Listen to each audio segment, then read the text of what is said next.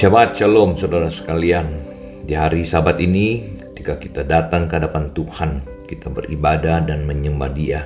Kita juga sama-sama akan merenungkan renungan seorang murid pada hari ini di Minggu 6 Desember. Mari kita berdoa. Tuhan pimpin kami ketika kami mendengar firman Tuhan, ketika kami membacanya, kami dapat mengerti dan kami mampu untuk melakukannya dalam hidup kami. Roh Kudus menolong kami mencelikan mata rohani kami sehingga kami sungguh percaya dan taat kepada firman Tuhan. Kami belajar menghidupi akan firman Tuhan. Berpuji namamu. Dalam nama Tuhan Yesus kami berdoa. Amin.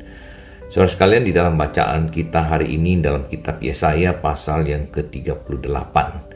Nah, kita belajar hari ini saudara sekalian tentang bagaimana Yehezkiah yang jatuh sakit hampir mati namun usianya diperpanjang oleh Tuhan untuk 15 tahun. Apakah penyakit itu berasal dari Tuhan? Jawaban pertanyaan tersebut tidak sederhana. Dalam kejadian pertama, saat Allah menciptakan langit dan bumi dan segala isinya, semua ciptaan Allah kita, Tuhan, itu adalah baik. Saat itu penyakit tidak ada.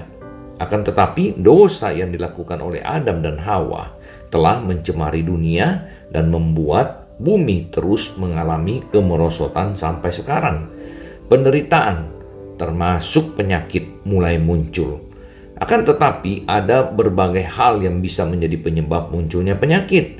Penyakit bisa disebabkan oleh penyakit dari luar seperti karena bakteri atau virus yang seperti hari ini dan sudah 9 bulan kita mengalami akan hal ini. Namun penyakit juga bisa disebabkan karena cara hidup kita yang salah atau bisa juga sebagai hukuman daripada Tuhan. Mengenai Raja Hizkia yang sakit sampai hampir mati yang kita baca di dalam pasal 38 ayat yang pertama, nah kita tidak mengerti jelas apa yang menyebabkan ia sakit. Saat Nabi Yesaya menyampaikan pesan firman Tuhan yang menyebutkan bahwa Raja Hizkia tidak akan sembuh dan akan mati, Raja Hizkia tidak marah kepada Tuhan. Namun ia berdoa, merendahkan diri, serta memohon belas kasihan Tuhan. Melalui mulut Nabi Yesaya pula Tuhan memberitahu bahwa usia Raja Hizkia diperpanjang 15 tahun. Saudara ketika saya membaca akan doa daripada Hizkia, di dalam ayat yang ketiga ia berkata, Ah Tuhan, ingatlah kiranya bahwa aku telah hidup di hadapanmu dengan setia dan dengan tulus hati dan bahwa aku telah melakukan apa yang baik di matamu. Kemudian menangislah Hizkia dengan sangat. Nah, saudara sekalian ketika kita berada di dalam akan penderitaan ketika kita sakit, dapatkah kita berdoa seperti Hizkia? bahwa dia telah hidup dengan setia, dia telah hidup dengan tulus hati, dan bahwa dia telah melakukan apa yang baik di mata Tuhan. Nah, bagaimana kita berdoa? Bagaimana kita memohon kepada Tuhan? Saudara, pengalaman Raja Hizkia merupakan pengalaman khusus. Pada umumnya kita semua tidak mengerti berapa lama lagi kita akan hidup. Yang bisa kita ketahui secara pasti adalah bahwa tidak ada seorang pun yang bisa menghindar dari datangnya kematian. Pada umumnya, dengan berolahraga secara teratur, memakan makanan yang bergizi, dan cukup istirahat akan membuat tubuh kita menjadi lebih sehat. Akan tetapi, kesehatan tidak selalu menjamin bahwa seseorang pasti berumur panjang. Karena banyak hal yang dapat terjadi di dalam kehidupan kita ini, kita bisa dapat meninggal bukan karena penyakit. Tidak ada seorang pun yang bisa menghindar dari datangnya kematian. Akhirnya kita semua pasti akan mati dan sesudah itu kita akan menghadap penghakiman Allah yang tercatat di dalam kitab Ibrani pasal yang ke-9 ayat yang ke-27. Orang yang sudah bertobat dan percaya kepada Yesus Kristus Tuhan dan Juru Selamat tidak perlu khawatir menghadapi penghakiman itu karena kita memiliki janji Barang siapa percaya kepadanya, ia tidak akan dihukum. Di dalam Injil Yohanes pasal 3 ayat 18a. Saat Anda sedang sakit, apakah Anda pernah meniru Raja Iskia yaitu berdoa, merendahkan diri, serta memohon belas kasihan Tuhan? Apakah saudara berani menghadapi kematian dan penghukuman Allah? Ataukah saudara penuh dengan ketakutan?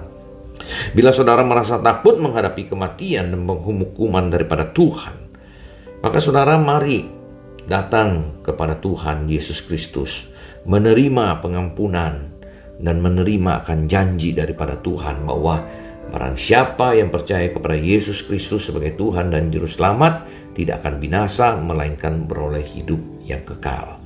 Saudara mari di dalam hidup ini jangan sampai ketika kita sudah sakit bahkan sampai kita sudah difonis untuk bahwa hidup kita tidak akan lama lagi. Barulah kita kemudian datang dan mau bertobat daripada kehidupan kita. Sebelum semuanya menimpa kita, saudara. Sebelum kita berada di dalam posisi kita tidak tahu apa yang harus kita lakukan, kita sudah tidak lagi mampu untuk mengontrol hidup kita. Baru kemudian kita datang kepada Tuhan. Sekarang, saudara, sekarang, mulai hari ini, mulai hari ini, taatlah kepada perintah Tuhan. Jika saudara hidup di dalam dosa, bertobatlah dan berbaliklah. Datanglah kepada Tuhan kita Yesus Kristus. Biarlah dia yang mengampuni, dia yang menebus akan dosa-dosa kita. Sehingga kita punya jaminan keselamatan. Di dunia ini satu hari kita akan meninggalkan dunia ini. Semua orang pasti akan meninggal. Namun pertanyaannya saudara, ke mana saudara pergi setelah meninggalkan dunia ini? Apakah saudara yakin saudara masuk surga? Mari kita berdoa. Tuhan tolong kami ketika kami berada di dalam segala kondisi dan keadaan yang baik adanya, kami tidak melupakan Tuhan. Jangan sampai ketika kami berada di dalam keadaan sakit, kami tidak mampu lagi mengontrol hidup kami, kami tidak mampu lagi melakukan apa-apa, barulah kami mau berbalik bertobat.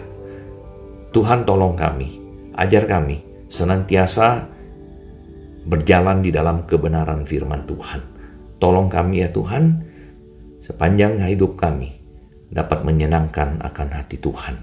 Sebagaimana Raja Hizkia berkata, Aku telah hidup di hadapanmu dengan setia dan dengan tulus hati, dan bahwa aku telah melakukan apa yang baik di matamu.